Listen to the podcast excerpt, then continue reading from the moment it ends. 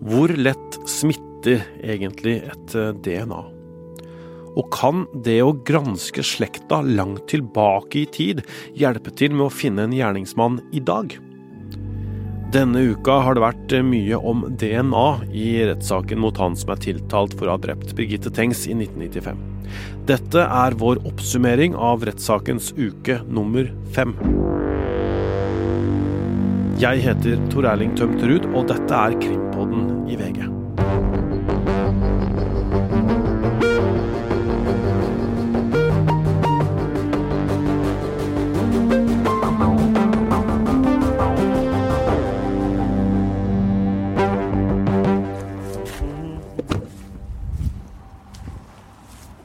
er i gamlebyen i Fredrikstad. Kanskje det koseligste stedet i Norge man kan være før jul. Men julegata har ikke helt åpna ennå, og det er hustrig i været. Men jeg går inn på en eh, fin kafé som ligger i de gamle festningsbygningene. Halla. Det er deg, tenker jeg. Det er meg. Hei. Tor Erling. Anne-Marit. Hei. God dag, god dag. Hyggelig. Her blir det koselig. Dette er Anne-Marit Berge. Hun er eh, slektsforsker og bruker DNA til å spore opp mennesker. En slags eh, DNA-detektiv. Hun bruker en metode til å finne mennesker som eh, politiet ikke helt uten videre kan bruke. Og for å finne ukjente menn, så brukes da Y-DNA, som vi har hørt mye om i Tengs-saken.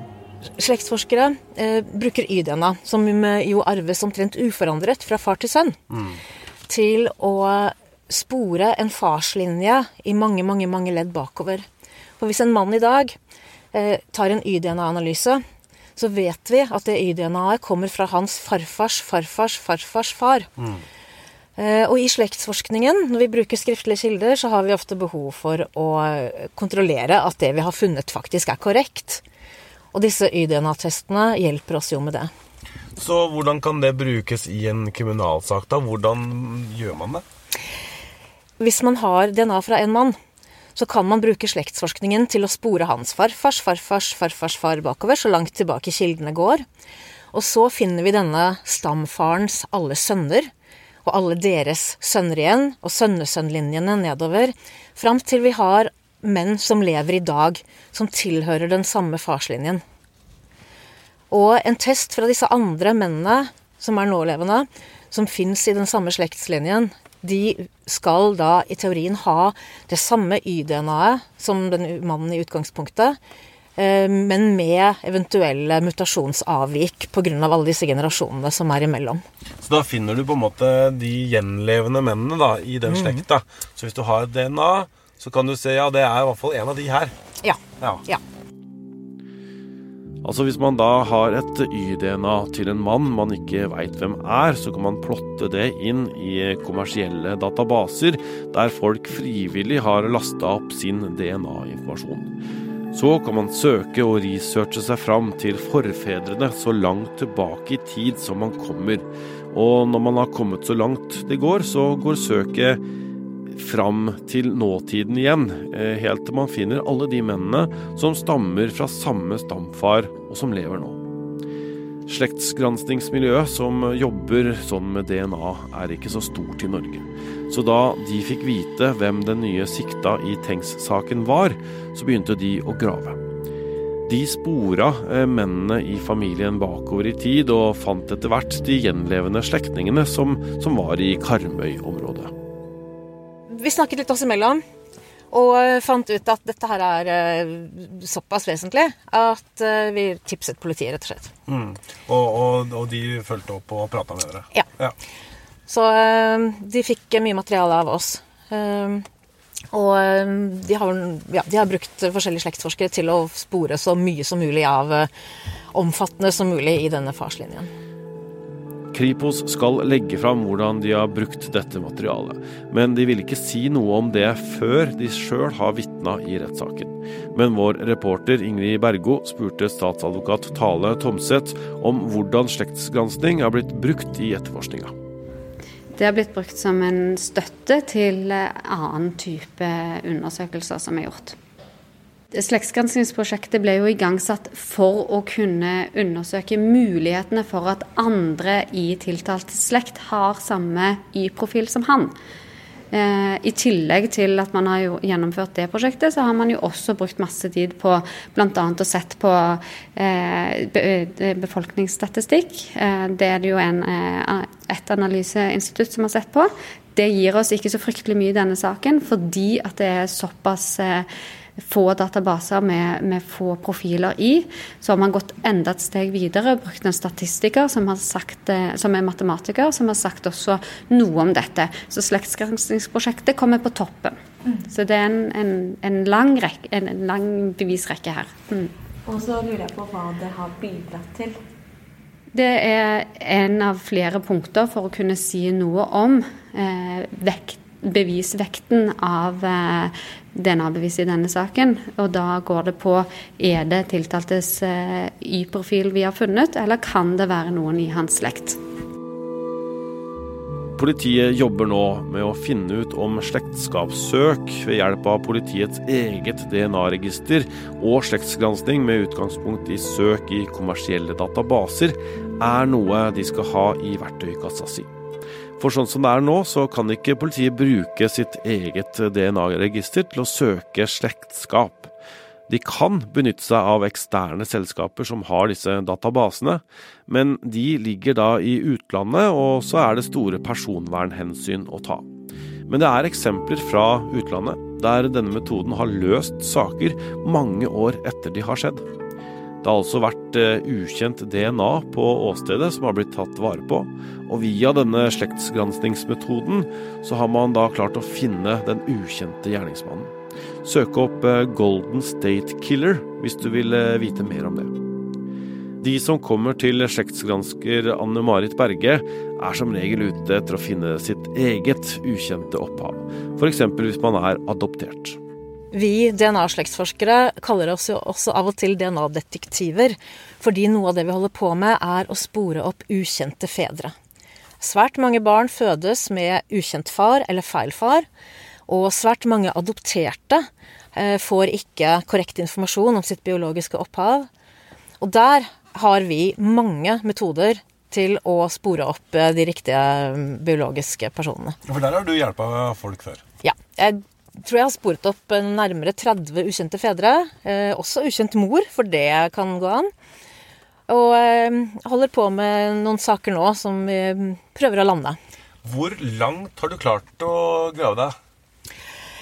Eh, hvis du tenker bakover i tid, så er det eh, Da er vi på disse Y-DNA-testene igjen. Mm. Fordi at disse her slektskapsgradene det tester utgangspunktet nærere slekt, fram mot tre-firemenninger og sånt. Men Y-testene, eh, der har jeg jo klart å verifisere min egen farslinje tilbake til 1500-tallet. Med at vi har fem forskjellige mannslinjer tilbake til da min stamfar, som er DNA-testet, og som har tett match. Mm. Var det en konge? Det var en konge. Det var en bonde på Toten. Uh, og uh, de aller færreste i Norge stammer fra vikingkonger. Det er en sånn myte, så glem det.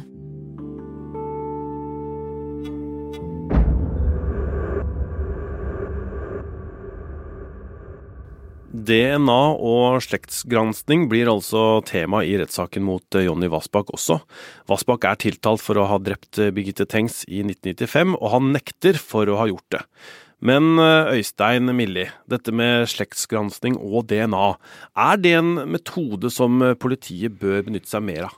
Ja, Det er en uhyre interessant problemstilling, fordi vi vet jo at um, den type granskning har løst saker i utlandet. Um, og så er det foreløpig en diskusjon i Norge uh, om man skal tillate eller ikke tillate det. Og ja, det er noen uh, ganske klare motforestillinger som jo bl.a. handler om personvern, og at disse DNA-analysene eller uh, altså de, de, blir jo gjort i en annen sammenheng enn en kriminalsaker. Um, så, men det er klart, hvis man ser uh, muligheten for å løse saker, så vil jo en sånn, så vil en sånn mulighet helt opplagt øke sjansene for det. Uh, vi vet så de har jo noen saker som på en måte ikke blir løst, og hvis det er en mulighet, liksom? Ja, vi vet jo at det er uh, DNA-profiler i saker som er på å si fulle profiler, um, og som man jo da ikke kommer noe vei med fordi at man har ikke klart å finne den personen som eier den. Vedkommende finnes ikke i DNA-registrene. Man har heller ikke klart å få et, et mistanke eller siktelsesgrunnlag mot den personen som gjør at man kan sikre seg DNA-materialet og gjøre analysen. Så det er klart at hvis man i det øyeblikk man starter den, eventuelt starter den muligheten der, eller åpner for muligheten der, så vil det være potensielt saker i Norge som kan bli løst. Mm. Vi skal gå gjennom mer av det som kom fram i retten denne uka. Eh, vi spiller inn dette her på, på fredag.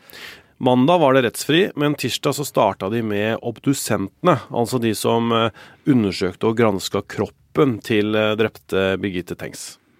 Ja, og da var det bl.a. den erfarne obdusenten Inge Morild ved Gades institutt i Bergen. Han har jobba som rettsmedisiner i veldig, veldig mange år. Eh, og han eh, sa jo at dette var den mest omfattende obduksjonen han har utført eh, noen gang. Og til tross for det, så er han fortsatt ikke helt sikker på dødsårsaken. Han snakka detaljert om alle skadene, og særlig da de store skadene i hodet. Men det var også andre, andre skader, altså andre muligheter for at hun hadde dødd, da? Ja, det ble jo lansert muligheter for at uh, dødsårsaken kan, uh, kan, være kvelning. Men i tillegg så har man jo disse omfattende hodeskadene som uh, definitivt var dødbringende. Så man kommer vel ikke noe lenger enn det. Ja, fordi ved siden av Birgitte på, på, på, funnstedet der, så lå det en, en blodig stein på 23 kilo. Veit man om den blei brukt? Nei, som vi var inne på, man har ikke noen sikker eh, konklusjon rundt eh, noen av disse spørsmålene. Men denne steinen ble jo vist fram i retten eh, i uka som gikk. Den er stor, eh, den har skarpe kanter. Og Morild mener jo at den kan ha blitt brukt som et eh, ja, slagvåpen, eller at eh, denne steinen er uh, løfta av gjerningsmannen og, og, sluppet da ned og truffet Birgitte på den måten, eller at en tredje mulighet, at hodet har blitt banka imot steinen. Så det er mye som tyder på det, i hvert fall fordi den, den steinen var ikke mulig å gjøre mer undersøkelser på nå, eh, men den var full av blod eh, da de fant den. Men, men 23 kilo, er ikke det altfor tungt? Det er jo tungt, men, eh, men, det er ikke veldig tungt. En vanlig person, eh, og i hvert fall da en, en mann, som man snakker om i denne sammenheng, kan løfte, eh, løfte, det. Både du og jeg har jo tatt en og annen gjødselsekk opp gjennom åra, og før veide de 40 kilo. Vi løfta jo de. og nå er det vel ned på 25, og vi løfter fortsatt de, de sekkene. Så det er klart at det, altså En stein er jo mer ukring kanskje og vanskeligere å få tak på enn en eh, sekk, for å bruke det eksempelet. Men, men øh, min oppfatning er jo at det å løfte en stein uh, på 23 kilo, det, det tror jeg skal gå bra. Det er iallfall mulig. Ja, det mener jeg, og det kan vi jo teste, men eh, jeg er ganske sikker på at det går an. En teori er jo at uh, Birgitte Tengs kan ha blitt uh, påkjørt uh, før hun ble funnet, da. Men, men, det trodde ikke denne rettsmedisineren noe på?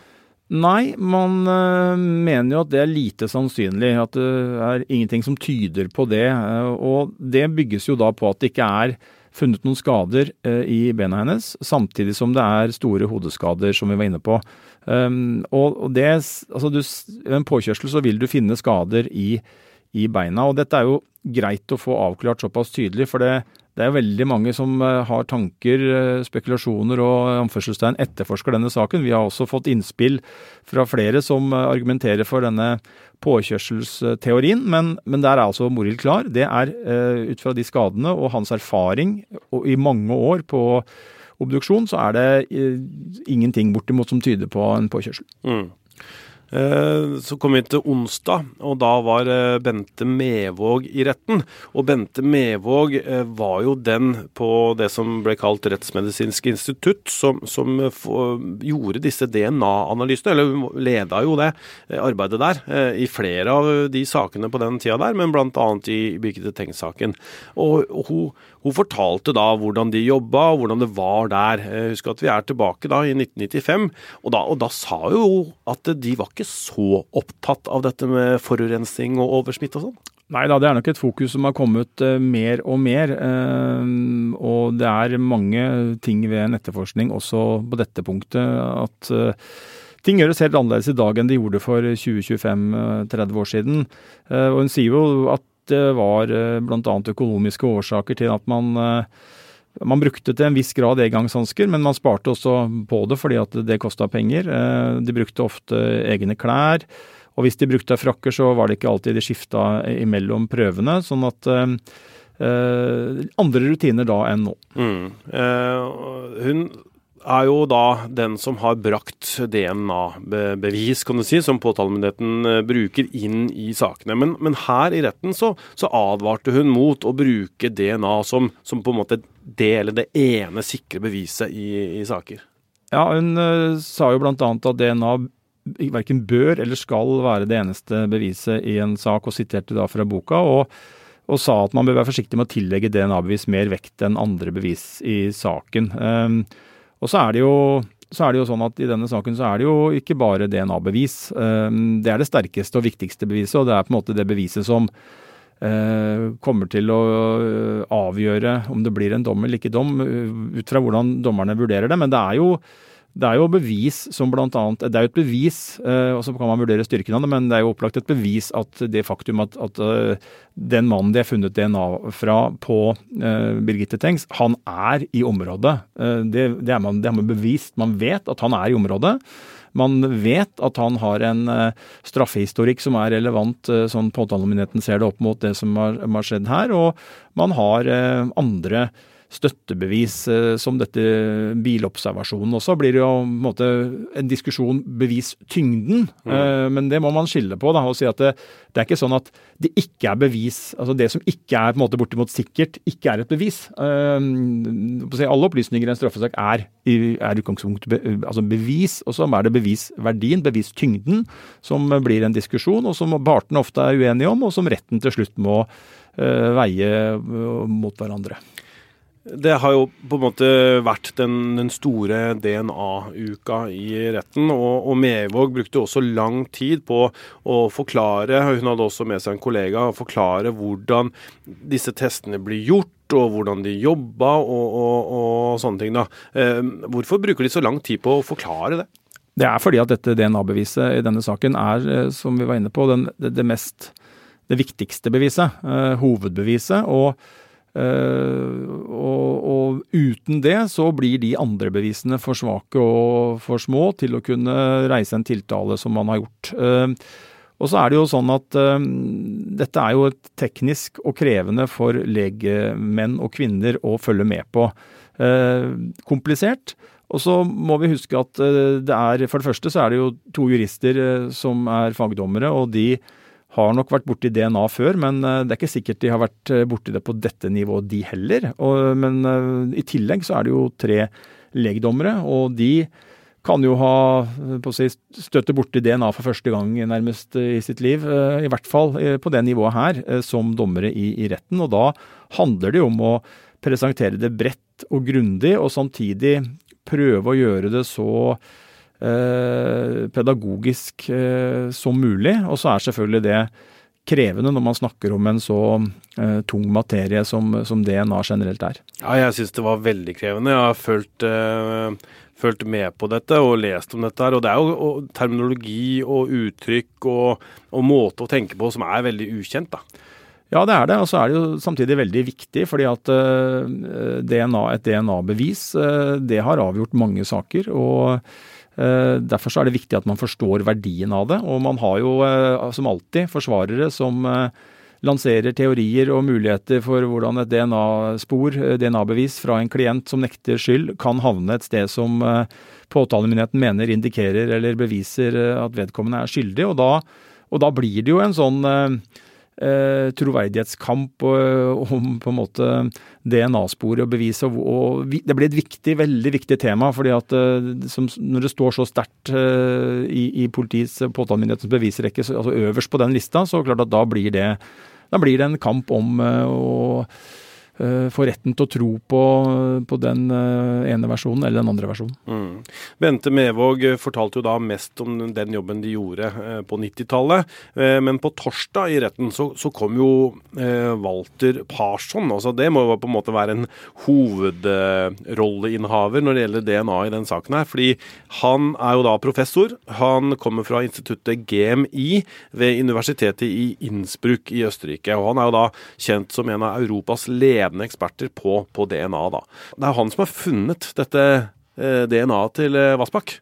Eh, og han begynte liksom i retten å, å gå helt tilbake. Han, han forklarte og starta med å forklare hva DNA var for noe, som i utgangspunktet Det blir jo veldig detaljert dette her, Øystein? Ja, og det er bra, og det må det være. fordi at eh, som vi var inne på, så, så er det viktig at alle dommerne og selvfølgelig de andre partene i retten får eh, så mye informasjon og så god informasjon som mulig om dette med DNA. Og, eh, og Walter Parson han er eh, selvfølgelig en eh, ekstremt viktig vitne, ikke minst for påtalemyndigheten. Han har gjort disse analysene og, og, forteller da Og det er jo instituttet Innsbruck i Østerrike som, som du sier er veldig Eh, ja, kanskje lengst fremme i eh, Europa og verdenssammenheng, muligens også.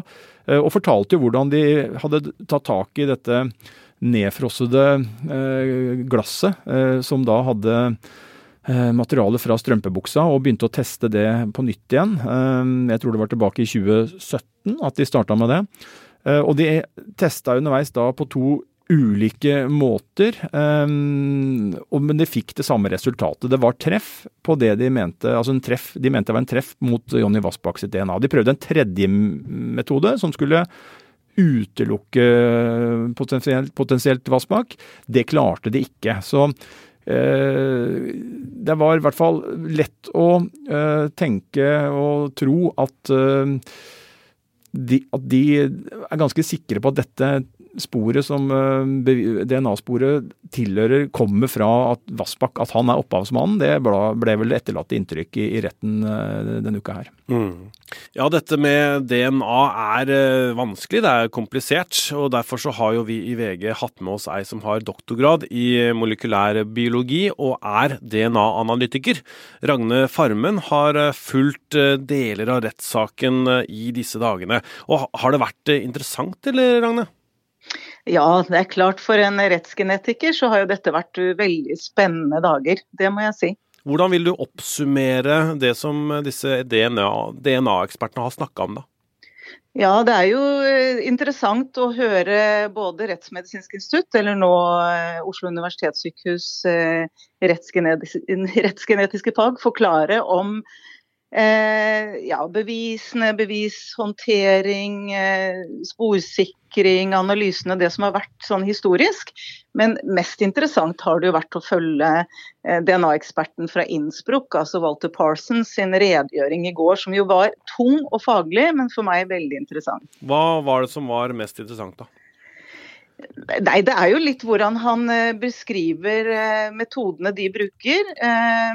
Og, og, litt om dette nye som de har tatt i bruk, hvor de kombinerer flere metoder.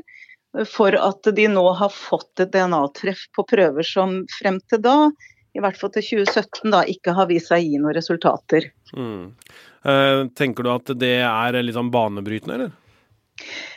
Tja, fordi at uh, dette er uh, denne såkalte MPS-metoden, uh, massiv parallell sekvensering, er i seg selv bare en kombinasjon av etablerte og kjente metoder.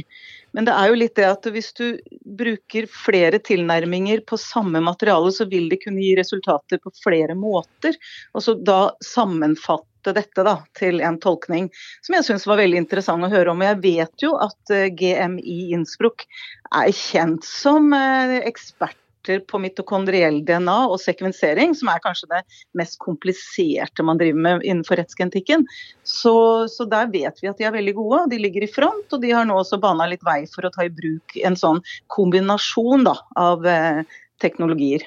Så hørte vi Parson si at uh, de hadde gjort to uh, ulike analyser først og fått uh, treff, og så tok de en tredje variant hvor de, vel, målet var å prøve å utelukke, men ikke klarte det, hvis jeg oppfatta det riktig? Ja, det stemmer nok. Hva, hva mm. tenker du om når du hører det? Hva, hva er din vurdering av hvor sikkert resultatet de kom fram til kan vurderes da?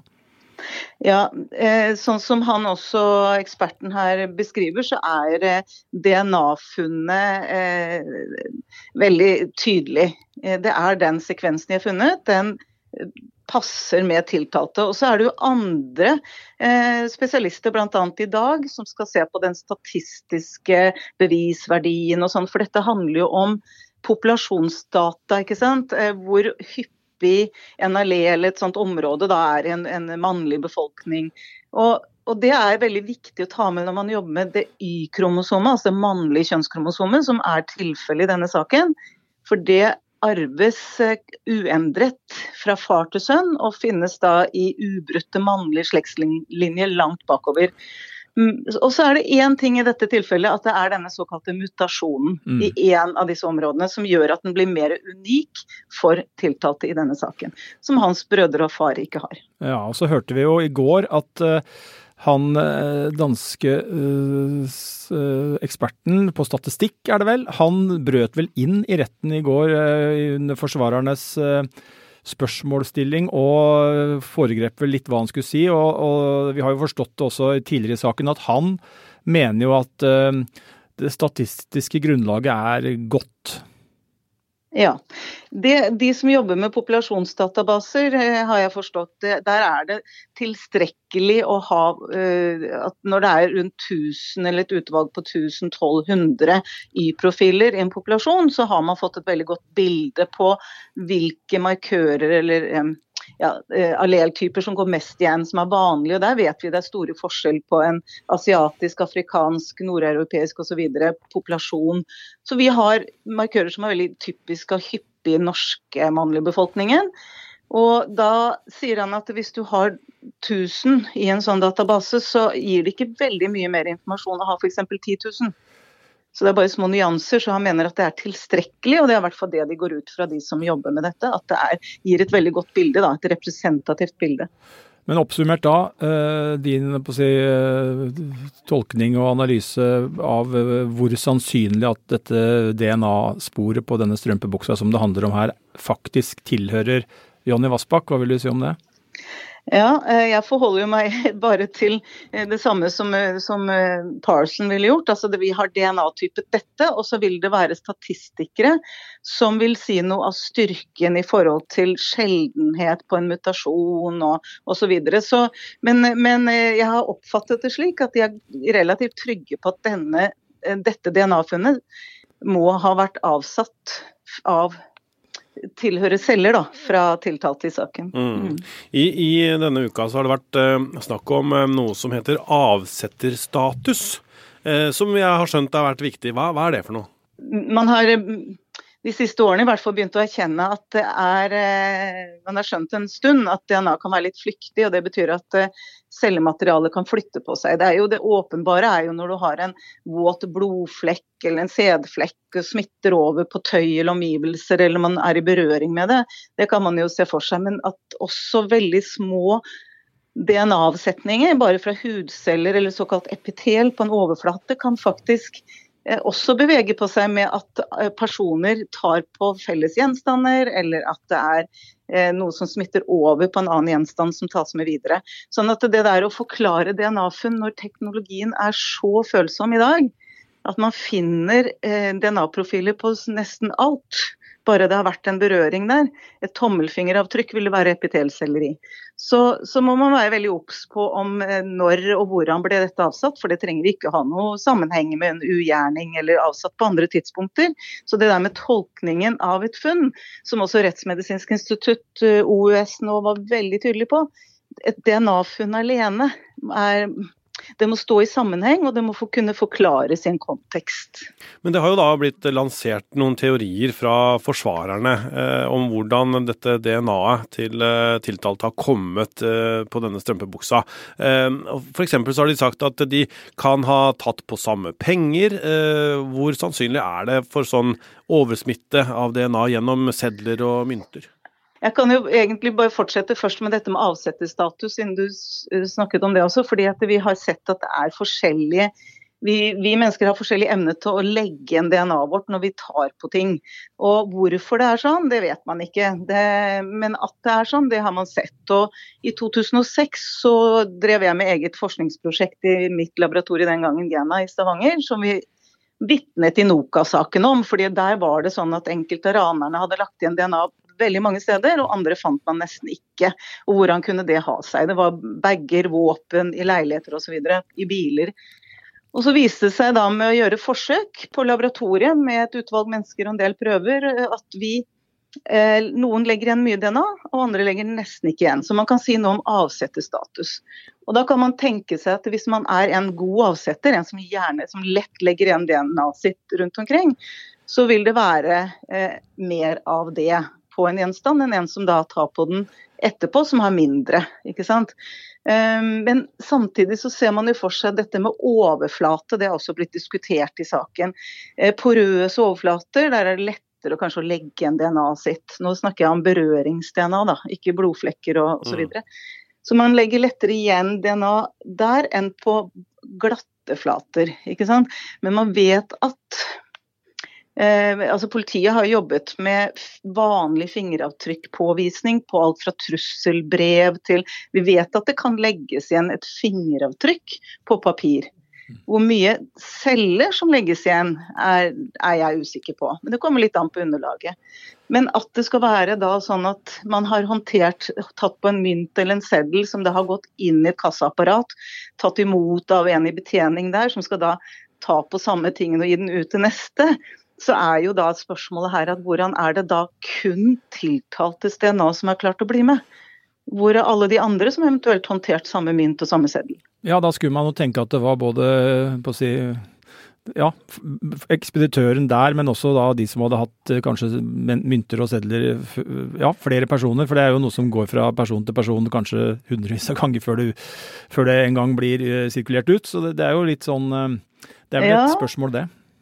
Det er jo det, og da kommer man jo inn på det som også har blitt diskutert i, i retten her, i forhold til ja, kan det ha vært en klissete mynt? Altså, Hadde man spytt på fingrene eller noen biologiske kroppsvæsker, kan det ha lagt igjen mer der enn andre normalt? ikke sant? Men samtidig så er jo det også veldig spekulativt, da. Mm. Eh, om man tar imot eh, den type sedler eller mynter da, som, som er såpass klissete, da kanskje. Nei, det, dette blir jo helt spekulativt. Er det, er, det, gjort ja. tester på uh, sånne type ting, som du vet? Ikke, ikke dette med uh, i det offentlige rom, for det er jo sånn som kom fram veldig mye fra Bjørnestad fra rettsgenetisk seksjon også sier, at vi gjør jo en del praktiske forsøk i kontrollerte forhold inne på et laboratorium. Og det gir oss jo noe svar. ikke sant, Dråpesmitte altså hvordan skjer overføring av DNA. Men hvordan dette fungerer når man kommer ut i det offentlige rom, hvor det er så mange andre eh, elementer da, som spiller inn, det, der er man eh, det, det, vet man rett og slett ikke så sikkert. Så dette blir jo ja, ren, ren spekulasjon. Jeg må holde litt tak i det du sa om at vi er for det første har ulik evne for å bruke det uttrykket, på å avsette DNA. Og mm. at det er selvfølgelig en del ytre forhold, f.eks. For overflate og ja, friksjon uh, i en overflate uh, eller type stoff, eller hva det måtte være. Mange faktorer som spiller inn der. Og så er man jo også utendørs i denne saken. Altså, noen, mm. noen, men, noen sier jo at å, ja, men hvis dette skulle være sånn at Vassbakk er skyldig, så skulle man jo funnet DNA i mye større grad enn bare, bare det man har klart å finne i denne flekken. Hva vil du si til det? Det har jo vært min første, uten at jeg kjenner jo Jeg har jo ikke lest sakens papir, jeg har ikke vært engasjert i denne saken som en DNA-ekspert. Så jeg får bare med meg det jeg leser og, og hører. Men mitt første inntrykk var jo at her var det veldig få tekniske bevis. Mm. Og når jeg sier tekniske bevis, så er jo ikke det bare blod, sæd og spytt. Altså det er berørings-DNA, det er fiber, det er um, ja, hår vet vi jo er dårlig bevis oftest fordi det er flyktig. Man tar det med seg fra omgivelsene, sitter på bussen, eh, være inntil jakke. ikke sant? Men, men, fiber, det man sier, det er noe som heter det forensiske prinsipp, som kom rundt århundreskiftet 1900. Om at eh, kontaktkriminalitet, sånn som seksuelle overgrep, kvelning, altså kontakt med offer, vil alltid legge noe igjen og ta noe med seg. Hår, fiber, biologisk materiale. Og da er det jo opp til kriminalteknikerne, da, etterforskerne, å klare å finne det. Mm. Som har ligget imellom. At man legger noe igjen og tar noe med. Sånn at eh, her hvor det da er samlet en god del fiber, det blir forklart med at nei, det er vanskelig å analysere fordi vi har ikke hatt en referanse å sammenligne mot. Altså et klesplagg da fra en, en mistenkt f.eks. Men i England så har man løst en god del kriminalsaker og gamle saker rett og slett på fiber, for man har klart å analysere og nøste seg fram til hva slags type klesplagg det har vært. Det kan være eh, tau som er brukt hvor de kan ha klart å finne den butikken som har produsert det tauet og solgt det i en lokalforretning. Sånn at fiber skal man ikke undervurdere som et godt bevismateriale. Men jeg har inntrykk av i Norge at ikke fiber har vært noe særlig fokus på det. da. Mm. Og så er det jo en uh, annen teori som lanseres, og det er jo uh, at en etterforsker uh, kan ha brakt med seg, som jo da avhørte det Vassbakk en ja, seks ukers tid før Eh, drapet, og som var eh, involvert i åstedsarbeidet, eh, at han kan ha dratt med seg DNA-materialet fra Vassbakk i seks uker og avsatt det da på en sånn måte at det er der svaret ligger på dette strømpebuksebeviset. Hva, hva tenker du om det?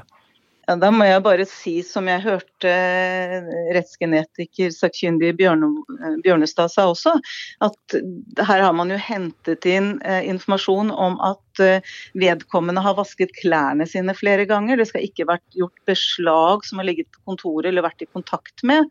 Eh, så, så det er jo vanskelig å forklare hvordan det skal ha klart å henge igjen da, på en eller annen måte. ikke sant? Altså med, med ja, Vasket, pushet, vasket hender, vasket overflatet, vasket kontor. Mm. Forsvinner DNA øh, hvis jeg har det på øh, buksa mi, og så vasker jeg den på en vanlig 40 eller 60 graders øh, runde? Er, er, er det borte det jeg har måttet ha på DNA-spor for andre, er det borte da? Ja, Det er et sammensatt spørsmål, fordi man har oppdaget at når det gjelder seksuelle overgrep, eh, hvor ei truse etter at det har vært eh, sæd på trusa da, og selv om den er vaska, så kan man finne igjen sæd. For der, der ligger sædcellene i fiberstrukturen, eller bomullsfiberstrukturene. Men eh, når det gjelder vanlig klær som vi har på oss til vanlig, ikke? Så, så skal man ikke se bort fra at det kan rundt eh, jakkekrager eller der hvor det har vært mye friksjon, linning og sånn, kunne klare å hente fram litt mer DNA. Så det er ikke et sånt ja-nei-spørsmål, men, men, generelt det vi snakker om her, sånn type berørings-DNA, man har lagt igjen noen få, svært få celler på en overflate, mm. så tror jeg det var det som også ble forklart i retten. at her, her, vil dette her forsvinne. ikke sant? Det tørker inn, det blåser vekk, det tas vekk med andre berører. Man er i kontakt med, det er vasket. Da, da forsvinner det jo, Ja, og sikkert. Og, og sant, første, første, trinn på denne teorien er jo at at det er en kontakt mellom etterforskeren og Vassbakk på det kontoret som for det første gjør at det kommer noe DNA fra Vassbakk over på etterforskeren. Og det, det kan vel hende at eh, ja, Jeg vet ikke hvor vanlig det er. Hvis du møter et menneske og gjør et håndtrykk og sitter i et rom, er det sånn at da må du regne med at du har DNA-en fra den du har møtt på deg? Ja, eh, der og da et veldig kort tidsintervall var jo det de snakket om i dette forsøket. Hvor de tar på en gjenstand, og så lar de en annen ta på den ganske umiddelbart etter. Og så skal det ikke gå veldig mange timene, så forsvinner alt. ikke sant, Fra sånn berøring av felles gjenstander. Så dette er jo snakk om ganske korte tidsperspektiver. da, Så sant det ikke er våte flekker sant? som man jo kan se for seg. Man kan flytte rundt på en blodflekk og ta med seg litt rundt.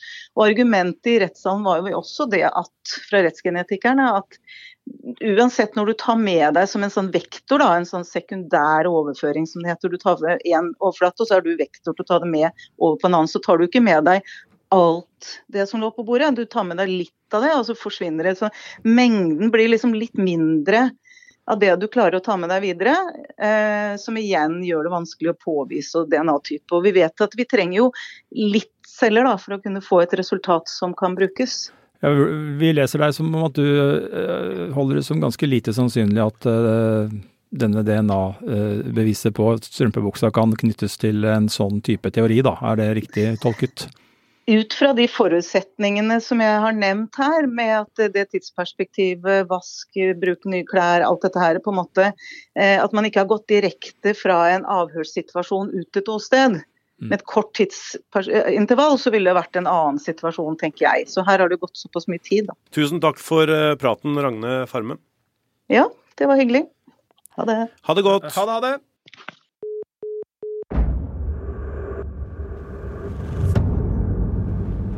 Mandag sender vi en reprise av et litt annerledes mysterium.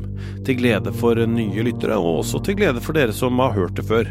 For man kommer jo kanskje i en slags julestemning av historien om pepperkakeknusingen i Bergen.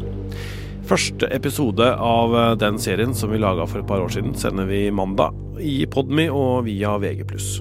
Ingrid Bergo og Anne Sofie Mengon Aasgard har bidratt til denne episoden. Øystein Milli har vært med, Vilde Worren er produsent for Krimpodden, og jeg heter Tor Erling Tømterud.